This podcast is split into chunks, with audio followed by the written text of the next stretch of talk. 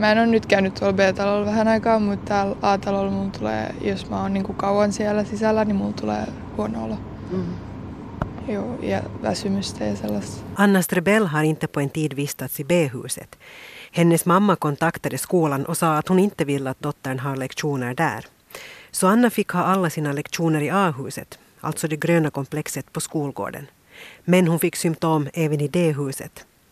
Anna mår dåligt och blir trött av att vara inomhus i den finskspråkiga skolan i Karis. No kun on vähän tullut sille hiljalleen, uh, mutta tota, mulla on ollut niitä niinku, jo ainakin kasiluokalta asti. Anna minns inte exakt när symptomen började, men hon kände av tröttheten och illamåendet redan i årskurs åtta. Det ledde till att hon ofta for hem från skolan. Hon mår bättre på fritiden, men känslan av trötthet känns länge efter skoldagen. Mulla oli aika paljon sellaisia, että mä niinku just, mulla tuli huono olo ja mä lähdin kotiin. Anna önskar att hon skulle kunna gå i skola precis som alla andra. Hon har varit tvungen att studera ganska mycket ensam och har sina lektioner för tillfället i Grabbegården i centrum av Karis. No siis mun mielestä olisi kiva, jos pystyisi olemaan koulussa tavallisesti, mm.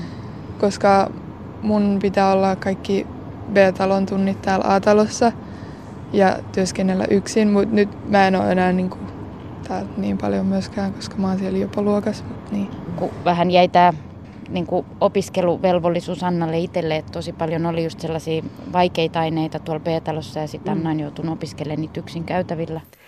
Kati Sointukangas är Annas mamma. Hon tycker att läroplikten till stor del fallit på Annas egna axlar då hon suttit ensam i korridorerna i A-huset under lektionerna. Innan hon flyttade till Grabbegården där det fanns en tionde klass för dem som vill förbättra sina betyg. Niin sitten tuli semmoinen niin kuin syksyllä Anna sai vielä vähän niin kuin tukiopetusta, mutta sitten että kyllä on yritetty koulusta auttaa ja vähän tukea, mutta ei ole ollut tarpeeksi tukea. Että oppis, siis ysi on aika semmoinen, että pitäisi mm. päästä lukioon ja numerot pitäisi, niin vähän on jäänyt Anna yksin sen opiskelun kanssa. Niin nyt se sai tässä lopussa vähän olla siellä jopoluokassa. I höstas fick Anna stöd av skolan, men det stödet har minskat tycker mamma Kati. Det skulle vara nödvändigt med stöd i nian då man försöker komma till gymnasiet. Anna söker till gymnasium i Helsingfors.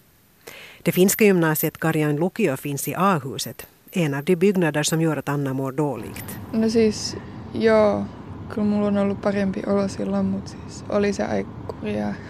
Mulla oli silleen, niin kuin, että mun kaverikin tuli joskus välillä munkaan opiskelemaan, mutta Anna säger att det var trist att sitta ensam i korridorerna, men ibland kom hennes klasskamrater med utanför klassrummet för att hålla henne sällskap.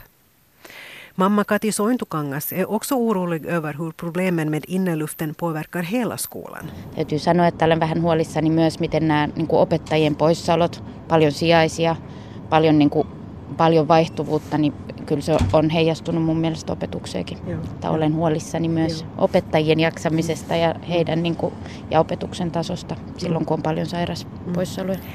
Jag är orolig för hur lärarna ska orka. Det är många vikarier i skolan och förändringar hela tiden. Hur påverkar det här studieresultatet, funderar Kati Sointukangas.